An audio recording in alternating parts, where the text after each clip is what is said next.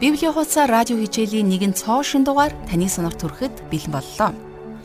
Өнөөдрийн бидний үзэх хичээлээр нас өндөр болсон Яаковын сүүлчийн үг, за хүүхдүүдтэй хэлсэн ёроолыг бид хамтдаа үзэх болно. Ийхүү 49 дугаар бүлэг бол Эхлэл номын нэгэн онцгой бүлгүүдийн нэг юм. Ер нь нас барах гэж байгаа хүний хэлж байгаа үгийг хүн бүр анхааралтай сонсож чухалчлан хүлээж авдаг шүү дээ. Учир нь энэ үед хүн зөвхөн үннийг л хэлдэг. Нэгэн цагт аавынхаа ёроолыг хуурч мэхэлж байж авсан Яаков одоо өөрөө өөд болохоос өмнө үр хүүхдүүдээ ёроож байгаа тухай бид үзэх гэж байна. Нас барахынхаа өмнө хэлж байгаа Яаковын энэ үг иш үзүүлгийн шинжтэй байсан юм. Тэрээр 12 хүүгийнх нь үр удам 12 овог аймаг болох үед ямар ямар зүйл болох тухай энд хэлсэн байдаг. Тухайн үед энэ нь ирээдүйн тухай иш үзүүлэг зүн байсан бол одоо аль хэдийнэ түүх олон хувирч. Ингээд Яков хөвгүүдээ чухам юу гэж юрөөсөн болохыг хамтдаа өнөөдрийн хичээлээс үздэцгээе. Харин хичээлээ эхлүүлэхээс өмнө Бурханд хандаж залбирцгаая.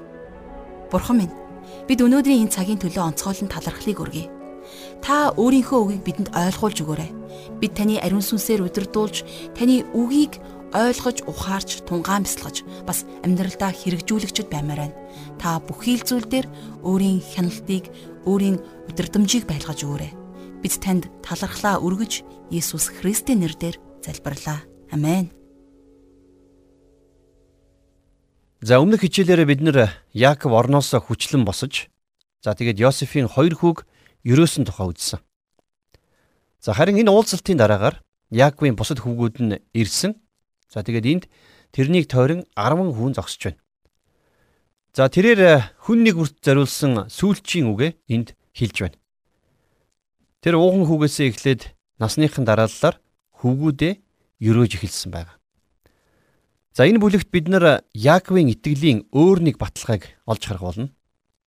Хөвгүүд нь Израиль үндэстний 12 овог аймаг болж Канаан нутагт сурч болно гэдгийг тэрээр энд хэлж байна. За ямар гайхалтай итгэл вэ? Тухайн үед тэр нутагт Канаанчууд байсан болвол Яаковын гэрийнхэн Египтэд сайхан амьдарч байсан. За ингээд 49 дугаар бүлгийн 1-р ишлэгийг гарган харцгаая. За энд ингэж хэлсэн байна. Яаков хүүхдүүдэд дуудан та нар цугларцгаа. Би та нарт ирээдүйд юу болох тухай хэлж өгье. За энд нэгэн маш чухал хэллэг гарч байгаа. Библиэд олонтаа дурддагддаг хид хідэн хэллэгүүд байдаг. За тэдний нэг нь эцсийн өдрүүдэд гэсэн хэллэг байгаа юм. Израиль үндэстний эцсийн өдрүүд чуулганы эцсийн өдрүүдээс огт өөр байх болно. За энд маш том ялгаа байдгиймаа гэдгийг бид нар ойлгох хэрэгтэй. Яаков Израиль үндэстний эцсийн өдрүүдийн тухай за хөвгүүдээс нь 12 овог аймаг үүсч за бүхэл бүтэн үндэстэн бий болох үед юу болох тухай энд ярьж байна. За тэгэхээр Израиль үндэстний талаар зарим иш үзүүлэг зөнгүүд биелсэн гэж олон хүмүүс хэлдэг. За энэ нь ч үнэн. А гэхдээ бид нар энэс гадна Израилийг 12 хэсэгт хувааж овог тус бүрд бурхны хэлсэн зүйлийг наривчлан үзэх болно. За зөвхөн энэ үндэсний талаарх бурхны зөвгнлүүд биелээ зогсоогүй. За бас овог тус бүрд хэлсэн тэр зөвгнлүүдийн үг ч гэсэн өнөөдөр биелсээр л байна. За тийм учраас энэ бүлэг болоод үнэхээр онцгой сонирхолтой бүлэг байгаа юм. Энэ бүлгээс бид нар эцсийн өдрүүдэд За эдгээр овгуудад тохиолдох тэр зүйлсийн талаарх зөвнөл болох тэр иш үзүүлгийг үзэх болно. Эдгээрийн ихэнх нь аль хэдийнэ биелцэн. За харин зарим нь эцсийнхээ биеллийг хүлээж байгаа. За цааш нь үргэлжлүүлээд харъя 2 дугаар ишлэгийг. Яаковын хөвгүүдээ та нар цугларцгааж сонсцгоо. Эцэг Израилийнхаа үгийг сонсцгоо. За энэ хэсгийг уншихдаа би тэрнийг орон дээрээ хөвтөөд толгоогоо ч өндийлгэж чадахгүй байгаагаар төсөөлдөг байлаа. А гэтэл энэ буруу байсан. За Еврей номын 11-ийн 21-р ишлэлээр хэлэхдээ тэр таяга тулан зогсож байсан гэдгийг бид нар мэдэж авдаг. За үннийг хэлэхэд нас өндөр болсон Яаков үргэлжлүүлэн явахыг хүсч байсан болов. За үхэл гэдэг бол үнэхээр сэтгэл сэрдхийлгэм зүйл. Үхэл хамгийн тохиромжгүй цагт буюу за улам цаашаа амьдрахыг хүсэж байх яг тэр цагт ирэх нь олонтаа. Яаков одоо цааш үргэлжлүүлэн амьдрч чадахгүй болж байгаагаа мэдэж байсан. Тэр алхаж чадахгүйж байсан. Таяга тулан зогсоод за тэгээд хөвгүүдээ өрөөж бурхандаа мөргөж байна. Тэр олон талаараа үнэхээр гайхалтай нэгэн болсон. За 3-аас 4-р ишлэлийг харах юм бол Рубен чи бол миний ууган хүү. Миний хүч чадал сүр хүчний минь охи. Цаг жавхлангийн оргил. Ирч чадлын дээд боловч ус шиг бургилж байсан учраас чи ирч чадлын дээд болж чадахгүй. Чи эцгийнхээ орон дээр гарч бузралсан. Тэр миний орон дээр гарсан юм. За, эцгүүдийн хувьд удамшлын асуудлыг өнөөгийн биднээс тутахгүй анхаарсан байдаг. За, хүүн яг эцэг шигэ. Яаковч гэсэн Рубен өөртөө нь олон талаар маш адилхан болохыг нь харж байна. Яаковын залуу насыг ч гэсэн ус шиг бургилж байсан гэж хэлж болно. Ууган хүүгийнх нь хувьд ч гэсэн яг л ийм байсан. Чи ирч чадлын дээд болж чадахгүй За Рубен хизээж ингэж чадаагүй. Тэр хизээж алтан медаль авч байгаагүй. За мөнгө хүрэл медаль бол авч байсан байж болох ч гэсэн нэгдүгээр байранд бол хизээч орж байгаагүй. За өнөө үед ч гэсэн маш олон хүмүүс яг ингэж амьдардаг. Тэд нар хийж байгаа зүйлдээ сэтгэл ханж тэргүүн буюу дээд нь болохыг хизээч хүсдэггүй. Тэгээ нэг номлогч найз маань үнэхээр гайхалтай хүн. Тэр үнэхээр нэртээ зохиолж болж чадхаар хүн байсан боловч тийм болохыг огт хүсээгүй. Тэр ердөө хоёрхон жижигхэн тохимол бичсэн санагдаж байна. За тэр Библийн агуу багш болж чадхаар байсан. А гэвч тэр бас л хүсээгүй. Тэр зүгээр л хүссэн юм аа л хийдэг байсан. Тэгэхээр тэр 2 3 дугаар байрандаа сэтгэл нь ханчихсан байсан болохоор хизээч 1 дугаар байранд орж байгаагүй. А тэгвэл Рубны талаар Яаковын энд дурдж байгаа түүх бол үнэхээр таагүй. За муухай түүх. Эхлэл номыг судалж байхдаа би энэ үйл явдлын талаар онцолж яриаггүй. За ингээгч шаардлага надад гараагүй. Орчин цагийн уран зохиол, кино урлаг, телевизийн нэвтрүүлгүүдээр бид нар ийм зүйлсийг хангалттай их харж сонсдог. Бурхан бид нарыг э, бусдын гим нүглийг үргэлж санаж бодож байгаасай гэж хүсдэггүй. Харин тэр бидэнд эцэст нь ах トゥ нараа юу нь үнэн, юу нь хүндэтгэлтэй, юу нь зөв, юу нь цэвэр ариун, юу нь сайхан, юу нь сайшаалтай байна? Хэрв альваа сайн үйл байгаа бол хэрв магтууштай ямар нэгэн юм байгаа бол тэдгээр юмсыг бодож санацгаа гэж Филиппо хотынд бичсэн захидлын 4-ийн 8 дээр хэлсэн байдаг. А гэхдээ тухайн гэр бүлийн үнэн бодиттой төвхийг бидэнд мэдүүлэхийн тулд хүний гим нүглийг бичин тэмдэглэж үлдээсэн байна. За дараачийн хоёр хүүгүний талаар хамтд нь хэлсэн. Тэд Лиягаас төрсэн за нэг ихийн хүүгүүд байсан. 5 дугаар эшлэлдэр Симеон, Леви хоёр ах дүүс. Тэдний илд бол харгислалын зэвсэг юм аа гэсэн байна. За тэд нэр болохоор зэрэг Шалемд очоод дүүг нь хүчрхийлсэн нэг хүнээс болоод Шихем хотын оршин суугчдыг бүгдийг хүүс тэмтэрснийг та санаж байгаа бах. Тэд нэр бүхэл хотоос өшөөг авсан. За мэдээж хэрэг тэд нар ийм зүйл хийх ёсгүй байсан. Харин одоо Яаков тэдэнд энийг нь сануулж байна. 6-аас 7 дугаар ишлэлийг харах юм бол сүнс минь тэдний хувилдаанд бүү оролцог. Оюун санаа минь тэдний уулзалтанд бүү нэгдэг. Тэд уур хилэнгээрээ хүн алж өөрсдийн дур зоргоороо үхрийн хөлийн шүрмсийг тасалжээ. Тэдний уур догшин ширүүн хилэн нь харгас хэрцгий учир хараал идэг. Би тэднийг Яаковын дунд хувааж Израилийн дунд тараанаа. За Левигийнхний хувьд бол Бурхны онцгой нэгүүлслийн илэрхийлэл болсон. Тэд нар Израиль даяар тарсан үнэн боловч за тэд нар бол тахилчийн овг болсон учраас ингэж тарахад хүрсэн юм. За зөвхөн Бурхны нэгүүлсэл Леви шиг ийм харгас хэрцгий хүнийг тахилчийн овгийн тэргүүн болгож чадна байх. Тэгэхээр найз минь Бурхны нэгүүлсэл бидэн шиг нэгүүлтнүүдийг өөрчилж тахилчдын хаан тулсын иргэд болгодог. Тэгэхээр өнөөдөр итгэгч хүн болгон тахилч гэсэн үг. Тэдний дунд архичин байсан, янхан байсан, алуурчин байсан хүмүүс олон бий. Ингэхдээ та нар эцэг өвгдөөсөө өвлсөн өөрсдийн утгагүй амьдралаас алт мөнгө мэтийн устдах зүйлсээр золигдсон бус харин үнэт цусаар Христийн цус болох гим зэмгүй бөгөөд толбгүй хурганы цусаар золигдсон гэдгээ мэдэгдөөн гэж за Петрийн 1-р загтлын 1-ийн 18-аас 19 дээр бичсэн байна. За дараа нь тэр бас Петрийн 1-р захидлын 2-ын 5 дээр иймд амьд чулуумит болсон та нарч Есүс Христээр дамжуулан бурханд тааламжит сүнслэг тахлуудыг өргөх ариун тахилж болохын тулд сүнслэг байшин болон баригдах тун гэж бичсэн байна. За тэгвэл тэр хэний тухай ярьж байна вэ? Христийн үнэт цусаар аврагдсан яг тэр хүмүүсийн тухай энд ярьж байна. За Рубен бол ууган хүүгийнхээ эрхийг алдсан. А Симеон, Леви хоёр ч гэсэн мөн адил. Тэдний овгуудаас хаан гарахгүй. Энд удааг хүүгийн тухай ярьж эхэлж байна. А гэхдээ тэр ч гэсэн бас адилхан гим нүгэлтэй нэгэн байсан. За энэ тухай бид нар Эхлэл номон дээрээс үзсэн. Тэгэхээр Бурхны нэгүүлсэл тэрний төлөө юу хийхийг одоо харцгаая. За 8 дугаар ишлэл дээр ингэж хэлсэн байна.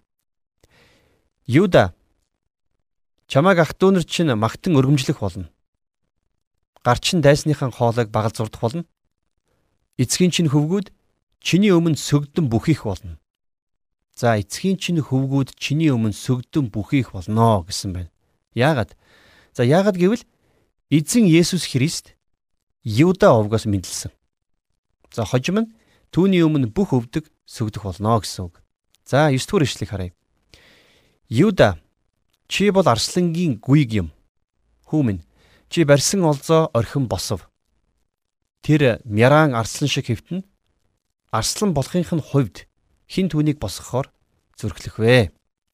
За одоо энд содрын хамгийн онцгой зөгнлүүдийн нэг хэлэгдэх гэж байна. 10 дугаар ишлэлдэр Шилог эртэл хааны таяг Юдагаас салахгүй. Захирагчийн шийдэм түүний хөлийн хоорондоос салахгүй. Бүх хүн түүнийг дуулууртай дагах болно. За Шилог ирэх хүртэл гэсэн байгаа биз. За Шилог гэдэг нь болохоор удирдахч гэсэн үг байгаа. За энэ бол Бурхны үг болох Библийн хамгийн онцгой зөгнлүүдийн нэг. За эмэгтэйн үр хүүхдийн тухай нэгэн зөгнөлийн талаар бид нар урд нь ярьж байсан. Би чамайг тэр эмэгтэйтэй өс хонцонтой бас чиний үр хүүхдийг тэр эмэгтэйн үр хүүхэдтэй өс хонцонтой болгох болно. Тэр эмэгтэйн үр хүүхэд чиний толгойг няцалж чи түүний өсгийг няцлах болно гэж та санаж байна уу? Эхлэл номын 3-ын 15 дээрээс бид нар үздсэн. За энэ бол Есүс Христийн тухай хамгийн анхны иш үзүүлэг зөгнөл байсан. Эмэгтэйн үр хүүхэд гэдэг нь бол могоон толгойг няцлах тэр нэгэн буюу Есүсийн тухай хэлж байна. За тэр бол ялагч нэгэн. Тэгэхээр Эхлэл номонд хамгийн ихний энэ иш үзүүлэгдэх тэр үр бол Авраам, Исаак, Яаковт ч гэсэн бас дамжин хэлэгдсэн байна. За харин одоо энд за Юдад буюу За Юдагийн удмаас энэ үр ирэх болно гэдгийг батлан хэлж байна. За мөн түнчлэн Шило гэдэг үг нь амар амгалан гэсэн утгатай. Тэгэхээр Христ бол амар тайвныг авчрагч нэг юм. Есүс энэ дэлхий дээр амьдарч байхдаа өөрийн эсэргүүцэгчдээс иргэн игэл жирийн ард түмэнд хандаж эцэж туйлдсан хүнд дарамт үүрсэн хүмүүсээ бүгд над руу ир. Би та нарыг амраая гэж За Матай сайн мэдээ номны 11-ийн 28 дээр хэлсэн байдаг. За тэр бол Шило. Тэгэхээр Шило ирчгээд байна гэсэн. Христ зөвхөн Шило байгаад зогсохгүй. Тэр бас очирт тайгийг гартаа баригч нэг юм. За энэ бүлгийн 24 дугаар ишлэлийн сүүлчийн хэсэгт Бурханаас Израилийн хад болох хончин ирэх болно гэсэн. Тэгэхээр энэ Шило бол бас хончин. За тэгээд бас хад байх нь. За мөн бас хуучин гэрээний тооллого номын 24-ийн 17-ыг харах юм бол за тэнд нэгэн одын тухай иш үзүүлэн зөгнсөн байдаг. Тэгэхээр Христийн энэ дэлхийд ирэх эрэлт нь ямар их утга учиртай байсныг бүгдээрийг бодж үзцгээе. Тэр бол эмэгтэйд болон эцгүүдэд амлсан тэр үр юм. За тэр бол амар тайвныг авчрагч Шило. За тэгээд тэр бол очирт таягийг барьсан хаан. За тэгээд тэр болол өөрийнхөө амийг өгсөн хончин. За мөн хожим нэгэн өдөр эргэж ирэх тэргүүн хончин юм. За бас тэр болвол барилгачдын голсон боловч а одоо булангийн хамгийн гол тулгуур чулуу болсон тэр хад билээ.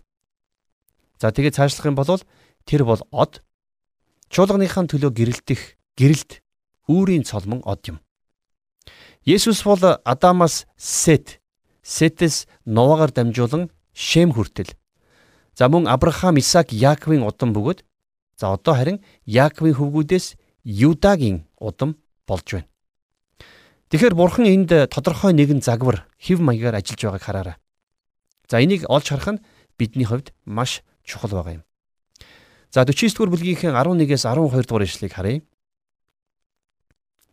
Илжгээ усан үзмийн модноос уйж, дудрангаа хамгийн сайхан усан үзмийн модноос уйж, хувцсаа дарсанд, нөмөргөө усан үзмийн шүүсэнд угаана. Дарснаас болж нүдэн улааж, сүүнээс болж шүдэн цайх болноо гэсэн байна. За энд тэгвэл хэний тухай ярьж байна вэ? За энэ бол өөрийгөө месиа, хаан, за бас аврагч гэж тунхаглан Иерусалимд орж ирж байгаа залуу нэгэн тийм дудран унсан Есүс Христийг ярьж байгаа юм. За нөмөргөө усан үзмийн шүүсэнд угаанаа. За гэхдээ ямар шүүсний тухай ярьж байна вэ? За энэ бол цус. Өөрөөр хэлэх юм бол Есүсийн өөрийнх нь цусны тухай ярьж байна.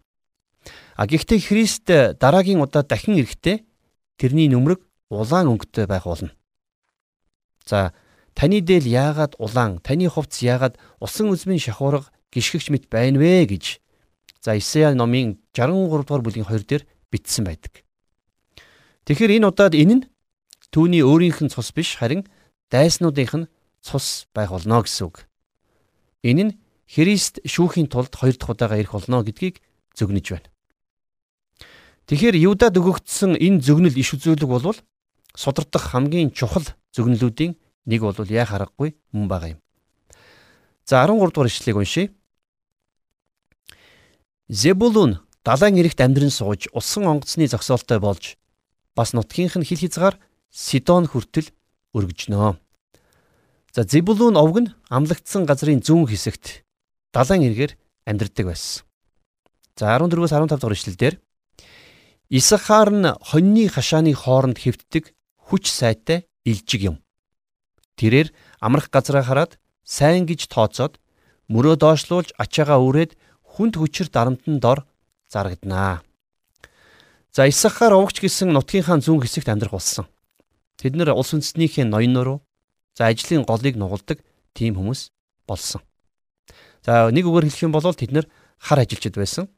За энэ дээр бол яг ийм санааг илэрхийлэн хэлж байна. За өнөө үед та бидэн шиг энгийн хүмүүсийн тухай за буюу а чимээгүй олонхын тухай олонтоо ярих болжээ. За бид нар телевизээр гараад байдаггүй За телевизээр гарч байгаа хүмүүсийг бол бид нэр энгийн биш, онцгой хүмүүс. За тэрж байтугай агуу хүмүүс гэж үзэх хандлагатай байдаг. За түүнчлэн хүмүүс ч гэсэн бас яг ийм төрлийн хүмүүсийг илүү чухал хүн гэж үзэх ёстой гэж биднийг өнөөдөр ятгах байна. А гэхдээ найз минь тэд нар хизээч улс орныхоо ноён нуруу болж чаддгүй. За ямар ч улс оронд ийм л байдаг. Тэгэхээр бидний анзааралгүй өнгөрөх гээд байдаг Зибулун, Исахар шиг ийм багахан овгууд л Израиль үндэстнийг амлагдсан газар сууршихад гол тулгуур нь болж байсан юм. За 49 дугаар бүлгийн 16-аас 18 дугаар ишлэлдэр ирсэн байна. За Дайн нь Израилийн нэгэн овгийн хувьд ард олноо шүүх болно. Дайн замын хажуугийн могой морины өсгийг хатгаж унаж яваа эзнийг нь арагш унгадаг замын хажуугийн хорт могой болно. Эзэн минь би таны авралыг хүлээдэг. За тэгэхээр дайн химээх энэ овог бол урвалтыг удирдах овгуудын нэг болох учраас дайнд эзний аврал хэрэгтэй болох болно. За энэ талаар бид нэр судрыг судалж байх явцдаа хожим дахин үзэх болно. За дараа нь Гадын тухай ингэж хэлсэн байгаа. Гад нь цэрэгт довтлуулах боловч тэдний араас хөөж довтлоноо. За Гад ч гэсэн амлагдсан нутгийн зүүн талд суурьшсан овгийн нэг юм. За үнэн дээр дайн овг зүүн хэсгийн ихэнхийг эзэлж оршдог байсан учраас Израилийн газар нутгийн хим хэмжээг ярихдаа за ингэж ярьдаг байсан. Даанаас Бершиба хүртэл гэдэг хэллэгийг хэрэгэлдэг байсан юм. За 20-с 21 дугаар ишлэгийг харцгаая. Ашерийн хоол хүнс тос дааж тэрээр хааны амтд хоолыг зэхэж өгнө. Нафталин уянгад хоолоогоор дуулдаг эрх дураараа согоо юм аа. За хэрвээ та Библийн сургуулийн оюутан хүн болвол Яаковын 12 хүүд өгөгдсөн энэ зөвнөлүүдийн биелэлтийн талаар ийм төрлийн судалгаа үнэхээр сонирхолтой байх нь гарцаагүй. За Библийн үлдсэн хэсэгт дурддагдж байгаа хүн бүр Израилийн эдгэр овг аймгийн аль нэгнээс нь гаралтай байдаг. За дараагаар нь Йосефийн тухай зөвнөл байна. Йосеф нь үр жимс ихтэй саглагар мөчөр. Булгийн дэрэгдэх саглагар мөчөр. Тэр мөчөр нь ханыг даван урганаа гэж за 22 дугаар ишлэлээр ингэж бичсэн байна. Тэгэхээр Йосеф Канаан нутгийг орхиод Египтэд ирсэн. А гэвч тэр энд Бурхны гэрч болон амьдарч байсан.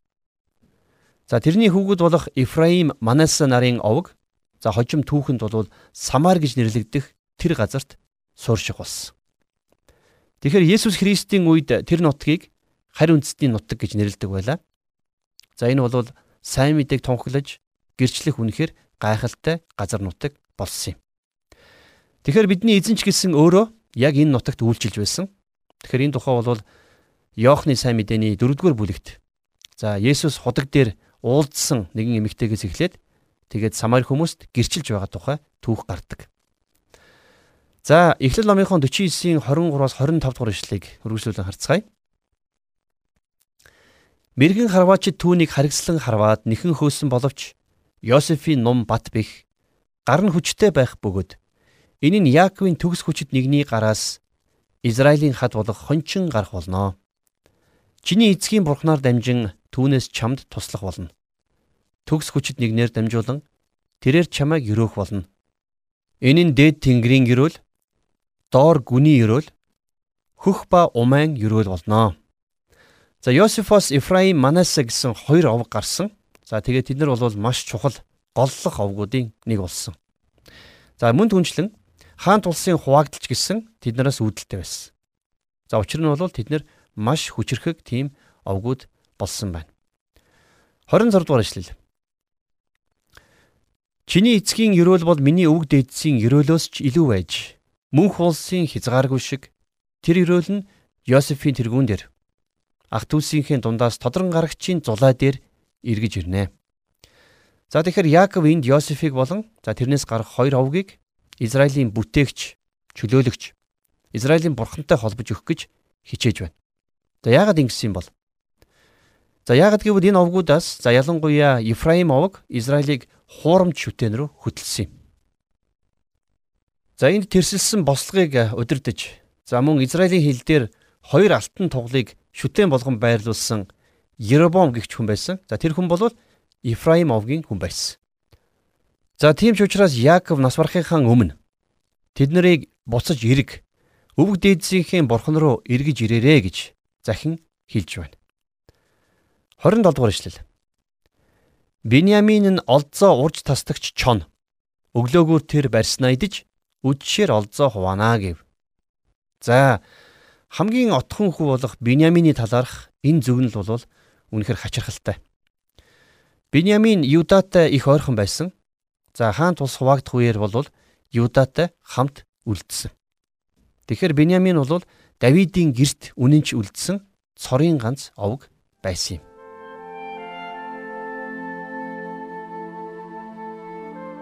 Тэгэхээр нэгэн цагт хөгшин настай эцгээ хууран байж ахынхаа ерөөлийг булааж авсан тэр өөдгүү Яаков амьдралын их сургуульд суралцсаар бурхнаар хуглагдж хүмүүжигдснээр эцэстээ бурхны өмнө итгэлээрээ босон зогссон итгэлийн хүн болсныг бид харж байна шүү дээ. Бидний бурхан бидэнтэй үргэлж яг ингэж л ажилдаг юм.